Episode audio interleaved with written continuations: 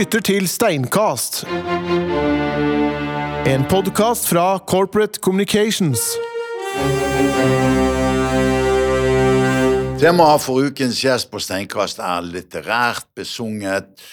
Vår ære og vår makt har hvite seil oss brakt. og Rederistanden her i landet seilte inn 25% av bruttonasjonalt statsbudsjett som vi ikke hadde penger til etter krigen. I dag drar rederne inn 140 milliarder kroner, 9,7% av årets statsbudsjett. Eh, viser dette administrerende direktør i Norges Rederiforbund, eh, Harald Solberg, at skipsfartens betydning er på vei ned i norsk økonomi? Absolutt ikke. Dette viser nok uh, mye mer at norsk økonomi har blitt en uh, veldig stor økonomi. At vi har blitt et uh, stort velferdssamfunn. Skipsfarten betyr fortsatt veldig mye for Norge. 140 milliarder i, verdiskaping. Vi dekker alle segmenter. Vi seiler på alle verdens hav. Vi har utviklet også en stor flåte innenfor offshore energiproduksjon. så dette viser etter vår vurdering en omstillingsvillig næring som eh, aldri har vært større enn det den er i dag i antall skip. I dag er Norge på femteplass, der vi før alltid lå på tredjeplass som skipsfartsnasjon etter USA og Storbritannia. Men nå er det bare asiater foran oss og bekvemmelighetslandet Grekenland. Eh, så entreprenørånden har ikke helt gitt seg på dekkene. Entreprenørånden i norsk maritim næring er fortsatt uh, veldig sterkt til stede. og I Norge så har vi også klart uh, noe annet som man ikke har klart, uh, f.eks. i Hellas. og Det er å utvikle en hel verdikjede knytta til den maritime næringen. Vi har verft, utstyrsleverandører, klasseselskap, banker, meglere og redere som til sammen utgjør en viktig maritim klynge for hele den norske økonomien, og skaper arbeidsplasser langs hele kysten. Du har også en bakgrunn som eh, statssekretær i Finansdepartementet i Bondevik II-regjeringen. Selger du KrF-er. Eh, bør ikke rederiene betale mer skatt her i landet? Vi er veldig glad for at rederiene har en eh, konkurransedyktig skatteordning som vi har hatt nå siden 2008, som er lik den man har i Europa også. Og Det gjør at norske rederier er konkurransedyktige, og, som, og det sikrer at vi kan beholde hovedkontorene i Norge. Eh, faren ellers er jo at disse, denne næringen hadde vært eh, etablert i Asia. Er det derfor rederiene i min hjemby Bergen aldri betalte mer skatt enn minstepensjonistene? Rederiene bidrar med stor verdiskaping eh, til landet, og, og, det er viktig for oss. Og det er også viktig for oss at vi har konkurransedyktige vilkår med de andre landene rundt oss. Aksel Sandemose skrev en gang at Norge er verdens eneste land der misunnelsen er sterkere enn kjønnsdriften. Er det derfor omdømmet historisk for rederstanden har vært så som så? Det er nok mange grunner til det, men jeg tenker eh, noe av det vi i hvert fall skal være stolte av, det er at eh, vi har klart å opprettholde Norge som en betydelig maritim nasjon i verden i en eh, konkurranse, som du selv var inne på, hvor veldig mye av virksomheten har flyttet til de store landene i Asia, og hvor, hvor vi også ser at mye av tyngdepunktet i verden flytter seg mot Asia. og er, Derfor er det strategisk viktig for Norge og Europa å ha en tung hånd på rattet når det gjelder utvikling innenfor skipsfarten i årene fremover. Men det er helst mannlige never som styrer skutene. Eh, hva vil du gjøre for å få opp kvinneandelen i skipsfartsnæringen? Det er en kjempestor utfordring for oss. Det er uh, veldig mange flinke menn i denne næringen, men vi trenger også å ha uh, flinke kvinner. Og, de kvinnene vi har i næringen, de er kjempeflinke, og de er vi veldig stolte av, men vi skal ha enda flere. Eh, kvinner, og det er et klart mål for oss at vi skal ha opp eh, kvinneandelen i næringen. Fordi det er 20 år siden vi fikk vår første kvinnelige ubåtskipper, og det er vel ingenting i veien for at en godt utdannet kvinne kan styre en supertanker på 400 000 tonn? Definitivt ikke noe i veien for i det hele tatt. og Vi ser at kvinneandelen eh, blant våre medlemmer er under 10 om bord på skipene. Den er 15-20% i landorganisasjonene. Eh, og denne andelen eh, har vi som en klar målsetting at vi skal eh, øke vesentlig fremover. Og da må vi få frem hvor enormt store og spennende muligheter det er i denne næringen fremover. Bl.a. for å utvikle teknologi som bidrar til lavere utslipp, og det er teknologi vi vet verden trenger. Og her har Norge en kjempeviktig jobb å gjøre. Nå kommer vi til det, for du har selv sagt at transport av varer på en miljøvennlig måte er en hovedoppgave for skipsfarten. Hvorfor går det da så tregt med omlegging fra de skitneste tungoljetypene til mer miljøvennlig bunkers på norske skip? Nå, fra 1.1 i 2020, så har det jo innført helt nye krav til eh, svovelinnhold i, i, bunkers, som gjør at man eh, nå ha, har, er i, i, inne i et stort skifte på drivstoffsiden for alle verdens skip. Det viser at eh, internasjonale reguleringer faktisk virker, og utslippene fra skipsfarten kommer som følge av det til å gå ned. Men som du sier, det går ikke raskt nok. Vi må gå, flytte oss enda raskere. En kjempestor utfordring for oss det er at i dag finnes det ikke teknologi for å seile utslippsfritt fra Asia til Europa. Norge leder an i utviklingen av nullutslippsskip innen egen kystfart. Ingen land er foran oss når det gjelder elektriske ferger f.eks. Det skal vi komme til. Men eh, Elisabeth Grieg skrøt av at en omlegging fra sotende bunkers eh, skulle skyte fart da hun var president her i Rederiforbundet for ti år siden. Så eh, lynrask har dere ikke vært. Men hun fikk rett. Eh, omleggingen er i gang, eh, og fra 1.1 så gjelder det helt nye regler. Og vi har høyere ambisjoner enn det. Vi skal redusere utslippene fra skipsfarten eh, vesentlig fremover, og vi må putte mye mer eh, penger, både næring og myndigheter sammen, i å finne utslippsfrie alternativer for å kunne også seile de lange distansene uten utslipp. I fjor fikk cruiseskipene gult kort både her i Oslo, i Bergen og i Geiranger. Viser ikke det at skipsfarten er en del av problemet og ikke løsningen på klimaproblemet? Vi er definitivt en del av problemet, men derfor er vi også en del av løsningen. Uh, og den maritime klyngen i verden som klarer å finne teknologi og drivstoff for å seile med lavere utslipp, vil også være konkurransedyktig i mange år fremover. og Derfor skal Norge være en del av den uh, løsningen. Hva er det som gjør at det ikke foreligger teknologi som gjør at man kan bruke mindre sotende bunkers enn det man bruker i dag i skipsfarten? Bl.a. at ikke det er nok eh, midler til å utvikle alternativ eh, teknologi. Og per i dag så er eh, fossilt brennstoff det, mest, eh, det, beste drivstoffet vi har. Og det er, det er fullt distribuert, eh, og det, fin, og det, er energieffektivt. Og, det, og er no, det, er ikke giftig, du kan håndtere det på en forsvarlig måte. Eh, hvis vi skal, det har bare ett problem med seg, og det er at det slipper ut karbon. Eh, hvis man skal finne alternativer, så vil de stort sett være dyrere, eh, ikke distribuert. altså Det finnes ikke en infrastruktur for dem, og de er mindre energieffektive. Og Dermed må man ha insentiver for å finansiere den omstillingen. Og Det spennende nå var jo at næringen selv i desember i fjor sendte inn forslag til IMO, altså den FN-organisasjonen som regulerer internasjonal skipsfart, om å etablere et forsknings- og utviklingsfond for å stimulere utvikling av nullutslippsteknologi. Og vi foreslår, Normalt når næringen foreslår fond, så ber vi også myndighetene om penger. Men i denne sammenhengen så sier vi at dette kan næringen finansiere selv. Vi må bare sørge for at IMO pålegger alle som fyller bunkers, å betale to dollar per tonn bunkers inn til et globalt fond som kan finansiere eh, utvikling av ny teknologi. Dette har vi eh, god erfaring for i Norge. Vi har hatt et NOx-fond gjennom mange år som har vært helt avgjørende for å bidra til at Norge er ledende på teknologisiden. Hvis vi tar det beste av NOx-fondet i Norge, flytter på globalt nivå og stimulerer utvikling av CO2-frie alternativer, så har vi en stor mulighet til å finne løsningen. Og i din eh, streven etter å bli mer miljøvennlig, så har du vel applaudert eh, overgangen, som er i sin spede begynnelse, til elektriske ferger langs kysten? Veldig spennende overgang, og vi ser jo hvor eh, viktig det er at eh, staten da bruker sin innkjøpsmakt, stiller krav til nullutslipp i nye fergeanbud, og det har jo stimulert en voldsom utvikling fra den første fergen ble satt i drift i 2015 til at det nå er 80 ferger under bygging. Eh, og Norge også, har også første hydrogenferge som underbygging, som skal settes i drift fra 2021. Så den Muligheten vi har til å bruke norskekysten som et laboratorium på teknologisiden, den må Norge bruke i enda større grad fremover. For vi er helt sikre på at dette er en god mulighet for å utvikle løsninger. Samtidig skjøt fergeprisene opp med 40 over nyttår, og 40 ordførere langs kysten varsler eh, fergeopprør à la bompengeopprøret før kommunevalget. Har det med elektrifiseringen å gjøre at prisen har gått opp? Ja, jeg tror nok eh, deler av forklaringen eh, ligger der. Eh, og det jeg tror det er en viktig påminnelse om at, hvis, om at man må passe på at man ikke får bumeranger inn i det grønne skiftet.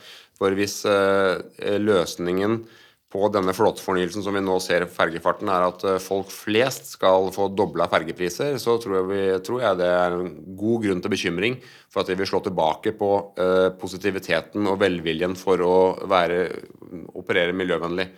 Så må, det, den, dette fergeskiftet, eller denne, denne, omstillingen, må nok finansieres eh, på en litt annen måte. Hvis man legger hele regningen over på bilistene, så er det grunn til bekymring. Tilbake til teknologien. Én ting er å ha en elektrisk ferge over Sognefjorden. Men er det realistisk å tenke seg deep sea-skipsfart, supertankere, på elektrisk kraft fra den persiske gulf til Gelvesen? Nei, det er ikke det i, i, dag. Og da må det skje noe helt enormt på batterisiden. Eh. Da snakker vi om atomreaktorer. Eller hydrogen eller ammoniakk eller en eller annen type energibærer. Uh, hvem vet? Men uh, her må og vi fra Rederiforbundet skal i hvert fall være forsiktige med å ta teknologiposisjoner på dette. Vi er opptatt av at man utvikler nye løsninger som er, eh, har så lave utslipp som mulig. Men her må egentlig konkurransen og markedet vise hva som er den beste løsningen. Men eh, den utviklingen må stimuleres, og må, den må skyte fart. Derfor er eh, åpenhet om hva skipsfarten driver på med, av stor viktighet. må det til nye og strengere regler for bærekraftsrapportering, og at dette implementeres i alle rederiene? Det skjer nå veldig mye på bærekraftsrapporteringssiden. Eh, banker stiller krav, investorer stiller krav, eh, og myndigheter stiller krav. Noe av utfordringen når vi ser på bærekraftsrapportering totalt sett, det er at det finnes ikke én standard for eh, rapportering. Det er et, en jungel av rapporteringsmetoder og rapporteringskrav.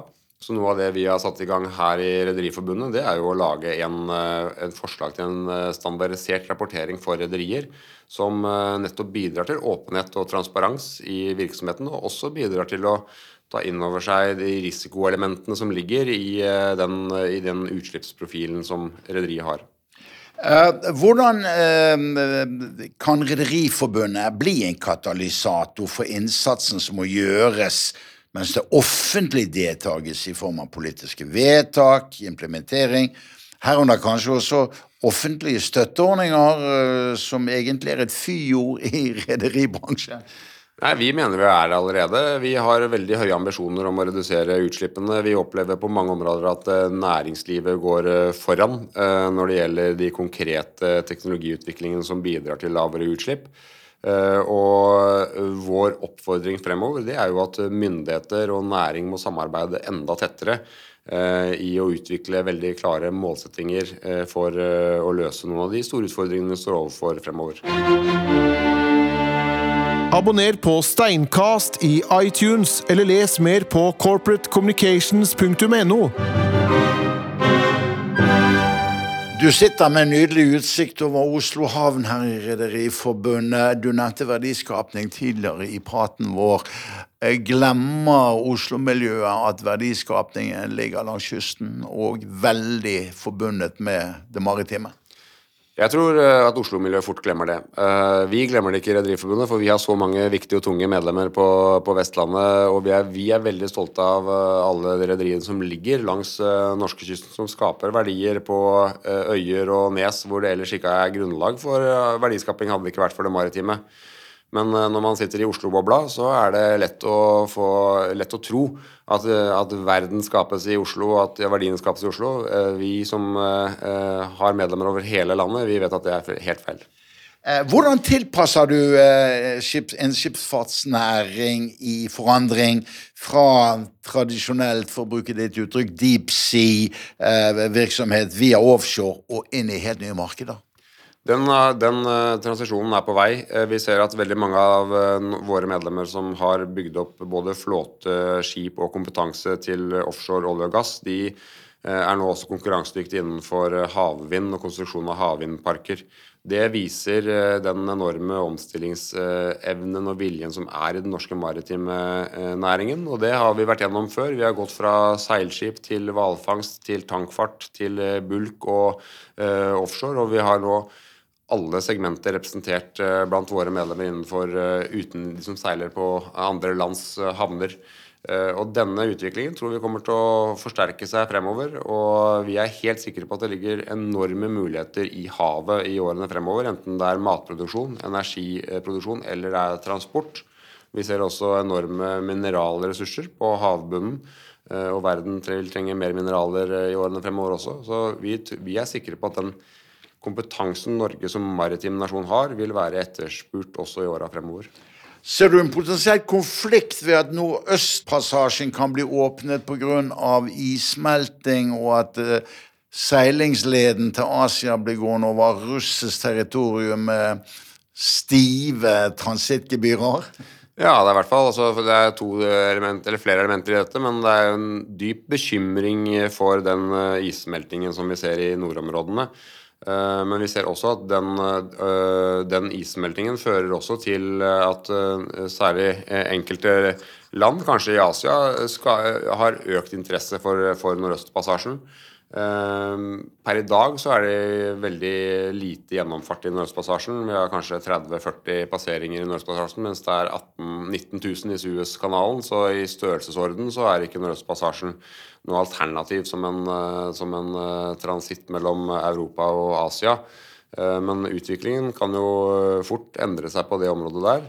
Uh, og da dukker forholdet til Russland opp som en viktig parameter. Og i dag går seilingsleden i russisk farvann. Man er helt avhengig av godkjenning fra, fra russisk side. Men vindretningene oppe i eh, Nordpolplatået, sier Polarinstituttet, gjør at isen pakker seg mot den russiske Sibirkysten. Og dermed er det vel håp for at seilingsleden blir liggende i internasjonalt farvann.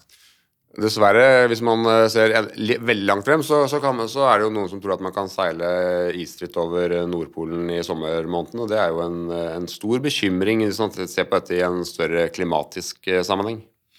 Eh, samfunnet både politikere og den vanlige kvinne og mann må forstå at skipsfarten har vært, er og i fremtiden også vil være en av våre viktigste næringer, eh, skriver en av dine kollegaer. Og uten slik forståelse får vel skipsfarten knapt politisk aksept som er nødvendig for å ha konkurransedyktige rammevilkår.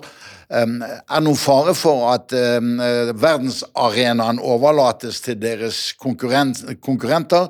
Og vil da den verdiskapningen eh, som norske rederier står for, komme under press? Vår ambisjon er jo at Norge skal være eh, ledende i den maritime næringen også i mange tiår eh, fremover, og det har vi veldig stor tro på. Men dette er jo en næring som er ekstremt konkurranseintensiv, hvor vi ser at Veldig mange asiatiske nasjoner har veldig store ambisjoner. I Kina, Japan, Korea, Singapore eh, og Norge og Europa må, vi må ha en veldig aktiv og offensiv rolle for å sikre vår posisjon innenfor skipsfarten. Har du oversikt over hvor mange nordmenn som seiler på norsk kjøl i forhold til utlendinger? I utenriksfarten så er det, eh, så er det 10 000 nordmenn, eh, og det er til sammen 50 000 sjøfolk i norsk utenriksfart. Du eh, har bakgrunn fra statsvitenskap eh, fra din eh, sølv ungdom. Det er ikke så lenge siden, du er ikke mer enn 41 år. Eh, hva var det du eh, var opptatt av eh, før, du, før politikken og, og, næringslivet tok deg? Jeg drev jo med politikk samtidig som jeg studerte statsvitenskap, og det er jo alltid farlig, for da har det en tendens til at man ikke får fullført. Så jeg fullførte min cand. mag.-grad og skulle skulle ta hovedfag og fikk eh, tatt ferdig metode og statistikk på hovedfag. Før, eh, før jeg da, for å få litt arbeidserfaring, som jeg tenkte, skulle begynne å jobbe som vikar som rådgiver på Stortinget. Uh, og, det, det... og, temaet som du ville skrive hovedoppgaven om, hva var det? Ja, da var jeg veldig engasjert i forholdet mellom uh, forvaltning og uh, politikk. og hadde nok skrevet om noe i, i retning av, av, det. Men jeg hadde ikke hovedoppgaven klar. Jeg hadde gjort ferdig metodestatistikk og skulle gjøre ferdig noen temakurs. Og så skulle jeg skrive hovedoppgave, og den ble aldri fullført, dessverre. Uh, Universitetet i Bergen ga jo ut sentraladministrasjonens historie mellom 1980 og 2008 og skriver at, at embetsverket i departementene har forfalt til politiske verksteder for den til enhver tid herskende politiske elite. Er vi i ferd med å miste vårt nøytrale embetsverk? Eh, jeg er veldig jeg, jeg, har også erfaring fra å ha jobbet i, i embetsverket Eller ikke i embetsverket, men i politisk ledelse fra 2001 til 2005. Eh, og ble den gang veldig imponert av, av embetsverkets faglige eh, posisjon og, og, sin faglige integritet. Og jeg mener det er en sentral verdi i Norge som vi må være stolte av og hegne om. Og jeg er ikke enig i en beskrivelse av at embetsverkene har blitt politiske sekretariater. Jeg, min opplevelse er at de har en tung faglig integritet som de er opptatt av å, å, ta vare på. og Det tror jeg er kjempeviktig for, eh, for styringen av landet. Gjelder vel kanskje ikke minst det departementet du var i, Finansdepartementet? Ja, og når man ser på de beslutningene som eh, er lagt til grunn for utviklingen av eh, Norge som et moderne velferdssamfunn, og de kloke beslutningene som ble tatt som har ført bl.a. til at vi har et oljefond i verdensklasse, så er det åpenbart viktig med et godt samspill mellom profesjonelle embetsverk og ansvarlige politikere. Hvis vi ser på um, etablering av kompetanse i det norske samfunnet, så hører vi jo stadig etterlyst uh, studieretninger som er mer yrkesrettet. Glemmer vi at vi har en skipsfart som er en stor potensiell arbeidsgiver for ungdom? Ja, og vi er i hvert fall fra næringens side kjempeopptatt av å markedsføre de mulighetene som ligger i skipsfarten i årene fremover. og vi tror at denne næringen trenger eh, også erfaringskompetansen fra sjøen. Altså Sjøfolk har vært viktige bidragsytere til fornyelse av teknologi og innhold i denne næringen gjennom årtier. Eh, og Det tror vi at de trenger fremover, men vi, vi tror også at det, kompetansebehovet innenfor skipsfarten kommer til å endre seg i årene fremover. og Vi, vi vil etterspørre mer eh, større grad av digital kompetanse, IT-kompetanse og utvikle nye tjenester Eh, for en næring som jo i bunn og grunn er veldig analog. Vår jobb er å flytte fysiske varer fra én kaikant til en annen. Men vi ser at uh, den uh, digitale kompetansen den digitale transformasjonen også slår inn veldig tungt hos oss som en, som en, analog næring. Det går på navigasjonssystemer, det går på operasjonssystemer, det går på logistikk og planlegging. og på dette området så er vi sikre på at den maritime klyngen i verden som griper muligheten også her, eh, vil, være, vil ha et konkurransefortrinn i årene fremover. Og det er, det er en viktig eh, beskjed til eh, norsk ungdom. Se på den maritime næringen som en stor mulighet for jobb. Er dekkshånden og båtsmannen på vei ut og blir erstattet av godt utdannede IT-folk? Jeg tror man en, eh, kommer til å se en uh, dobbel etterspørsel. Uh, man trenger fortsatt folk om bord. og særlig på de skipene som skal seile langt, så trenger man folk om bord. men kompetansen til å også utvikle ny teknologi for å håndtere operasjoner som i dag håndteres om bord, kanskje i større grad fra land, i større kontrollsentre, det tror jeg man vil se en sterk utvikling på fremover. Når det gjelder sikkerheten i skipsfarten, så har jo Norge hatt noen svære katastrofer. Jeg tenker på Berge Vanga og Berge Istra tankskip som bare brakk og forsvant i dypet. Dette er jo en generasjon siden. Eh, er sikkerheten blitt mye bedre, siden vi ikke hører om sånne katastrofer?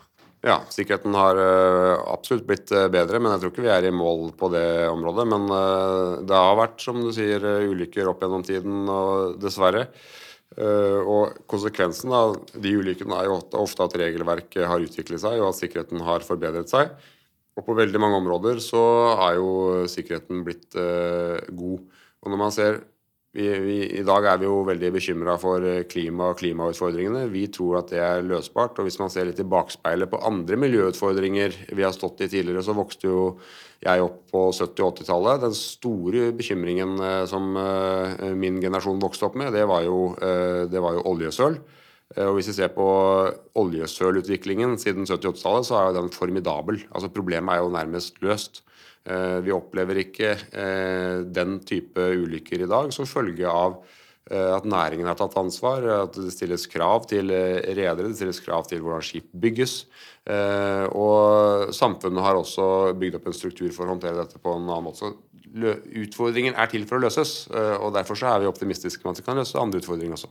Og så må man, man ikke helt glemme at man må følge med fra broen. Jeg tenker naturligvis på det som koster 13 milliarder kroner. Kollisjonen mellom Helge Ingstad og uh, oljetankeren Sola uh, utenfor Bergen. Uh, selv om teknologien er høy i navigasjonen, så må folk være våkne. Folk må være våkne både på land eh, og de som navigerer til sjøs. Eh, og teknologien kan hjelpe oss eh, et stykke på vei, men det handler også om mennesker. Eh, og derfor, Det er når man får et godt samspill der, at man kan bedre til å bedre sikkerheten. Og når det samspillet ikke fungerer, så kan det gå galt. Så sjøulken blir værende i norsk skipsfart. Det har jeg stor tro på. Harald Solberg, administrerende direktør i Norges Rederiforbund, takk for at du var gjest på Steinkast denne uken. Takk skal du ha. Du hørte på Steinkast. En podkast fra Corporate Communications.